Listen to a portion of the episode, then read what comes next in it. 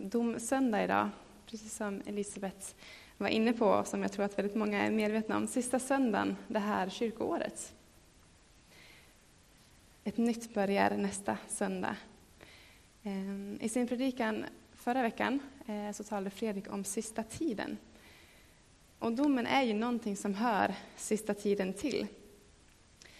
Bibeln talar om hur Gud ska skilja agnarna från vetet, hur fåren ska skiljas från getterna. Och eh, om man läser dagens evangelietext så står det om, det finns en liknelse i Matteus. Han liknar himmelriket med bilden av hur någon har varit ute och fiskat och fångat mycket fisk i sitt nät och kommer in till stranden igen och eh, eh, sorterar den fina fisken i korgar och slänger iväg den dåliga fisken. Det onda ska skiljas från det rättfärdiga. För mig kommer ofta förberedelse av predikan med en bävan, en viss bävan. Och så även den här gången. Eh, det handlar om Guds ord och det handlar om hur vi kan förstå det, hur vi kan tillämpa det i våra liv.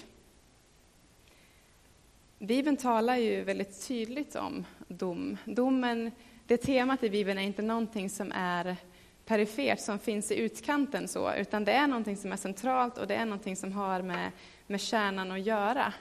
Det går liksom inte så att smyga förbi det om man skulle vilja det, utan det är ett tydligt tema i Bibeln och någonting som är viktigt.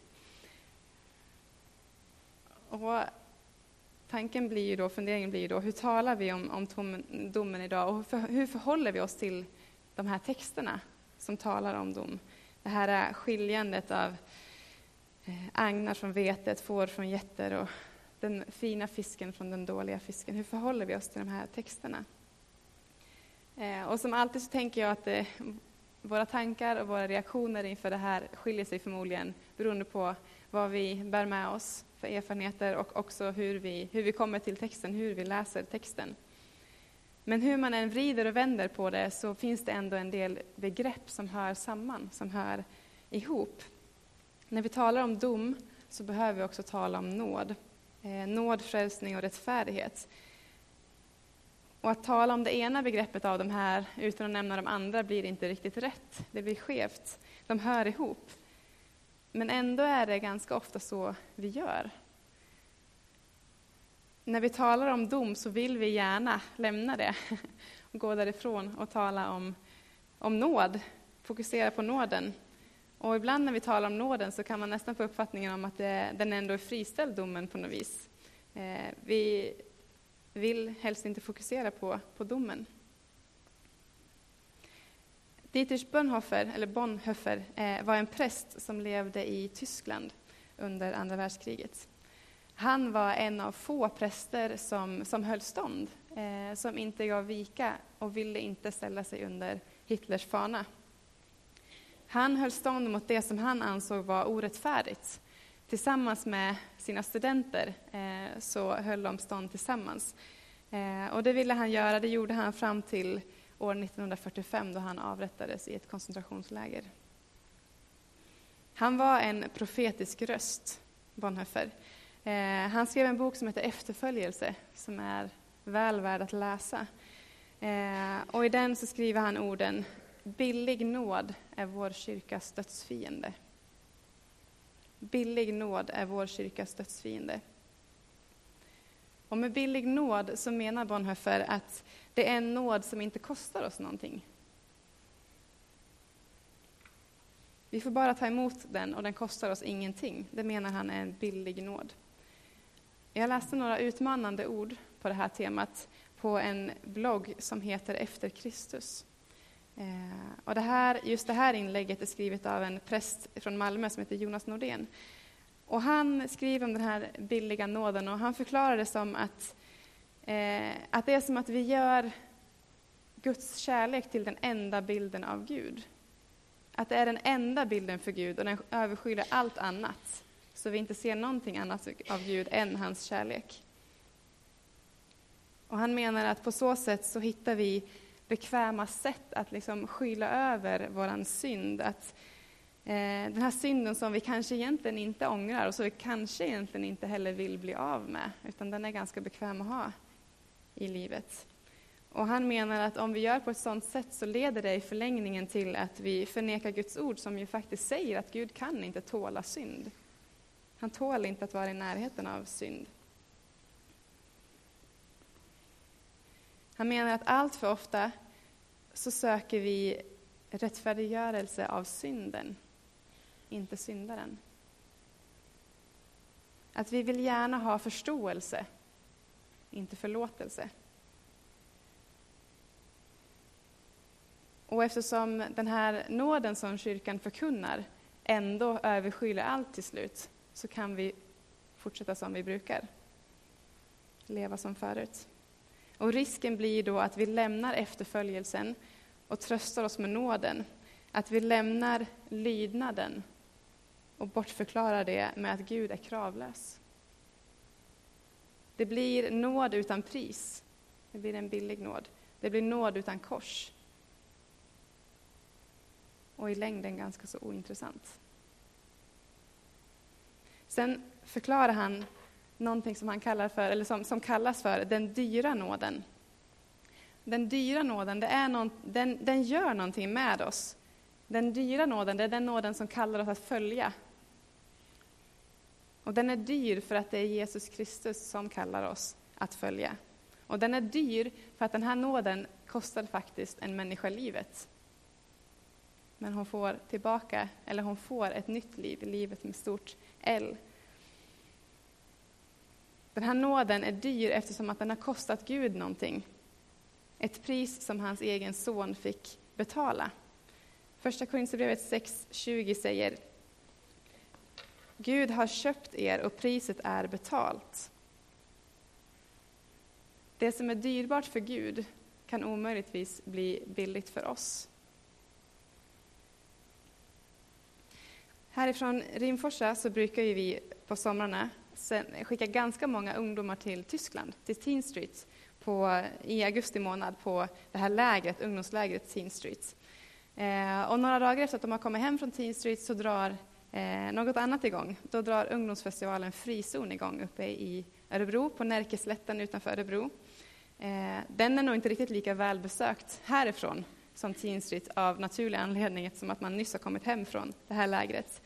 Eh, och därför så kanske det inte är lika många av er som känner till Frizonfestivalen. Jag vet att många gör det, men kanske inte alla känner till den. Eh, det är en kristen ungdomsfestival som arrangeras av Evangeliska Frikyrkan och den hålls på Torpområdet där Torpkonferensen hålls på midsommar, i midsommarveckan. Eh, om jag inte räknat fel så hölls den 18 upplagan i somras av Frizon. Det startade 1999. Eh, och Frizon startade med ett särskilt syfte. Man ville skapa en plats som var fri från gamla föreställningar om hur en tro måste se ut. Och man använde sig av, ett, ett av redskapen var ironi. Man ville använda ironi för att tänka kreativt och för att också på något vis driva med frikyrkovanor som har blivit stereotypa och som kanske har förlorat någonting på vägen eller rent av blivit skeva. Men allt det här ville man göra med Jesus tydligt i centrum.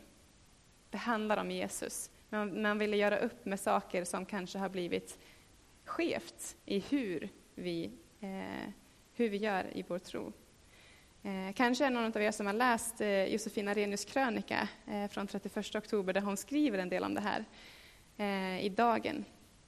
Eh, hon förklarar att efter några år med samma upplag av, upplägg av den här festivalen så insåg ledningen att ungdomarna de förstår ju inte riktigt det roliga eh, i det hela vi driver med. De förstår ju inte att det är kul det här vi gör. Um, ungdomarna såg ju inte ramarna som frizonledningen försökte eh, ja, men riva ner med ironi eller sarkasm som, eh, som verktyg. Och de skrockade frizonledningen och tänkte att ja, men, ungdomen idag de förstår ju inte gammal hederlig sarkasm. Men först senare så har Josefin insett att det är inte det det handlar om. Utan det var ju snarare så att ledningen, frizonledningen förstod inte att de unga, som ju var målgruppen för den här festivalen, de hade inte mött den här frikyrkobubblan som frizonledningen upplevde sig ha växt upp med. Så att de förstod ju inte vad det var som man försökte göra hål på. Utan hon menar på att många ungdomar har istället vuxit upp med en kyrka där allt är okej. Okay.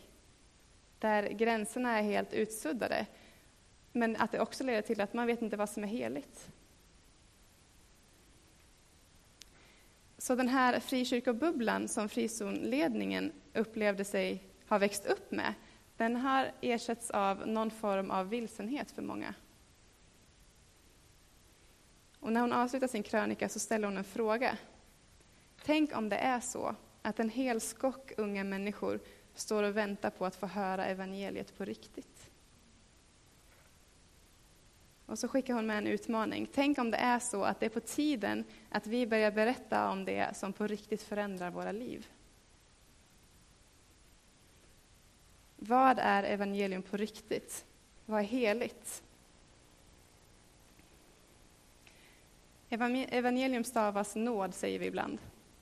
Men det borde ju också stavas dom. För vad är nåden utan domen? Vad blir nåden då? Vad blir vi fria från om vi aldrig har varit bundna? Vad är ens frihet om vi inte befrias från någonting?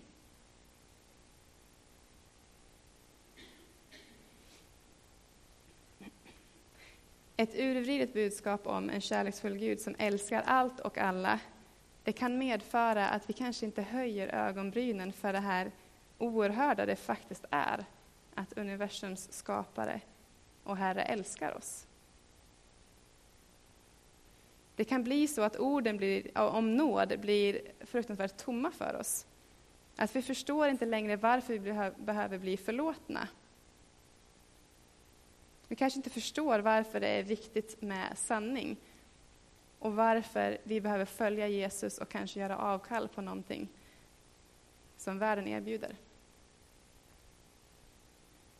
Om vi läser Johannes 16, 7-11 så står det så här. Men jag säger er sanningen, det är för ert eget bästa jag lämnar er. Ty om jag inte lämnar er så kommer inte hjälparen till er. Men när jag går ska jag sända honom till er, och när han kommer ska han visa världen vad synd och rättfärdighet och dom är. Synd, de tror inte på mig. Rättfärdighet, jag går till Fadern, och ni ser mig inte längre. Dom, denna världens härskare är dömd. Denna världens härskare är dömd. Vi lever i den här världen med en sorts dubbelhet. Om vi litar på orden i Filipperbrevet 3.20 så står det att vårt hemland finns i himlen. Vi har vårt medborgarskap i himlen. Men vi lever här och nu och vi lever under påverkan av den här världen, av härskaren i den här världen. Vi lever som Jesu efterföljare och i och med det så delar vi den här världens lidande. Men om vi ska vara helt ärliga så deltar vi också i utövandet av det onda. Som ett tydligt exempel på hur människor kan brista i godhet har vi till exempel metoo-kampanjen. En kampanj som finns på sociala medier som handlar om att synliggöra hur, hur eh, vanligt sexuellt ofredande är. Människor världen över berättar på sociala medier, på internet, att det här har hänt mig också. Jag har också varit med, med om, blivit utsatt för eh, sexuellt övertramp. En del kristna skribenter frågar sig när det här locket ska lyftas av från kyrkan också. När vi ska, det ska bli tydligt hur, hur vanligt det faktiskt är inom kyrkan också. Eh, och jag hörde bara nu i helgen att det faktiskt eh, har startats en, en kampanj inom kampanjen som heter Var det ljus i Svenska kyrkan, när sådana här berättelser kommer fram om vad som har skett även i Svenska kyrkan. Och vi är ju ingen frizon från, från det heller. Det är som att vi idag lever i ett landskap där moralisk förvirring eller försvagad beslutskraft eller dunkla motiv eller ren illvilja har för mycket utrymme. Man skulle kunna teckna en bild av världen idag som att vi lever som att Gud inte finns. Att människor går att köpa. Att allt går att lösa med våld och att när ett imperium som är byggt på förtryck har fallit så kommer ett nytt. Och sen ett nytt. Och sen ett nytt.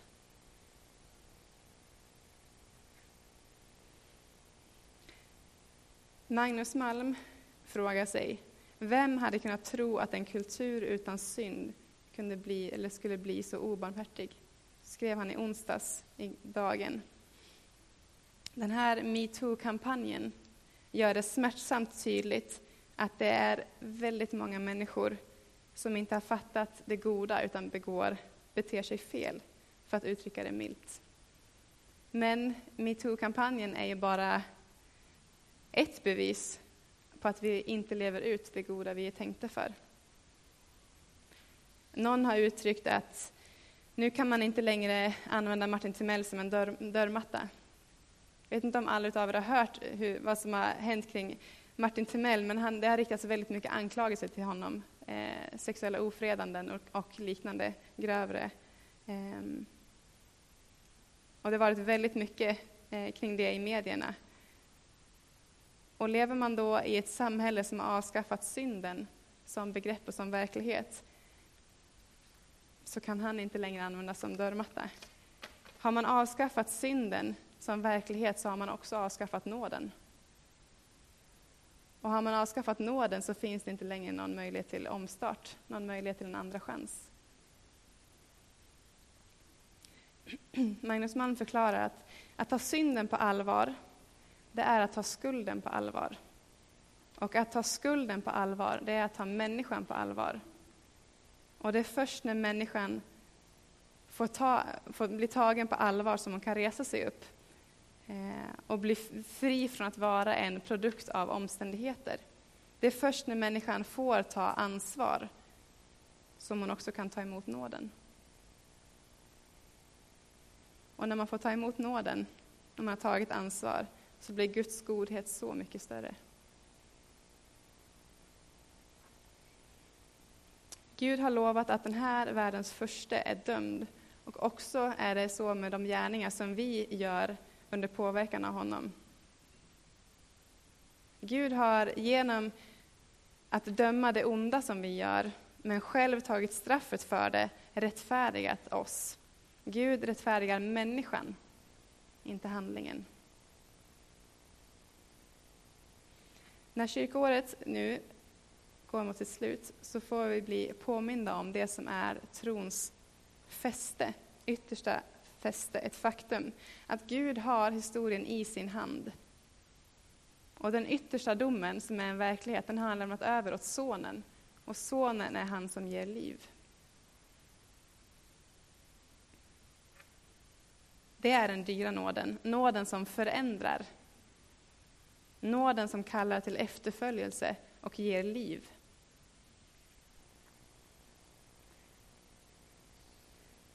Det är tydligt att det är bara i Guds dom som vår räddning finns. Det är bara genom domen som den här nåden blir en helt underbar verklighet.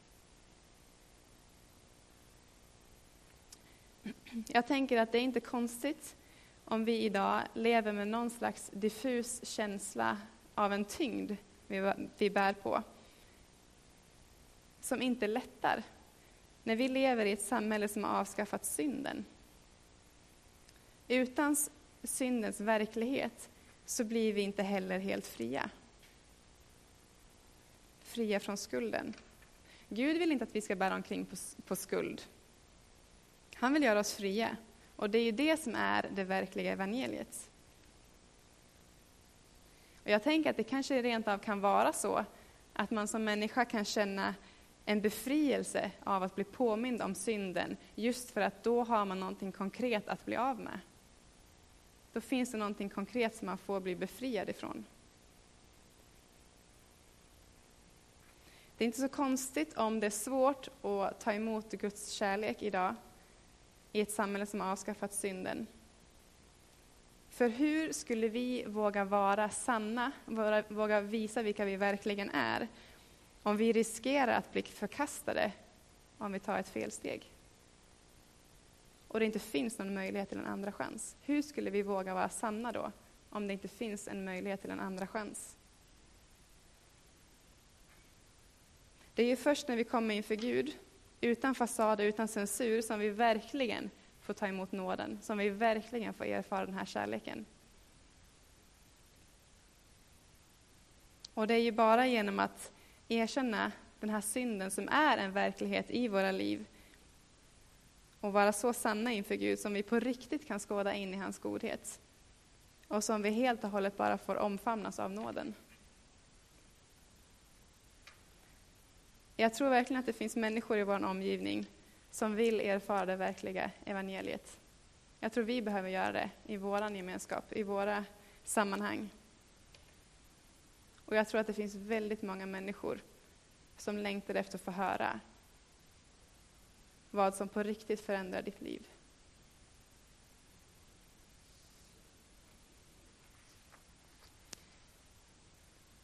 Vi ber tillsammans. Mm. Gud, vi ber, förbarma dig över oss. Tack för att den här rättfärdiga domen, den är verkligen goda nyheter för oss. Tack för att när vi kommer inför dig, precis som vi är, även om det innebär att vi kommer med saker som, som är rakt emot din vilja, så bara översköljer du oss med din nåd. Tack för att även den här söndagen, domsöndagen, är goda nyheter för oss. Far, jag ber, låt din nåd få förändra oss. Heligande, kom och gör det verket i oss. Förändra oss, förvandla oss.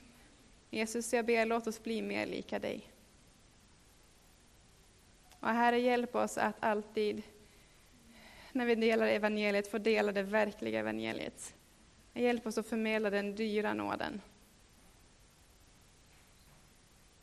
Herre, vi längtar efter att ditt rike ska få bryta fram. Kom heligande. Kom heligande. Ande.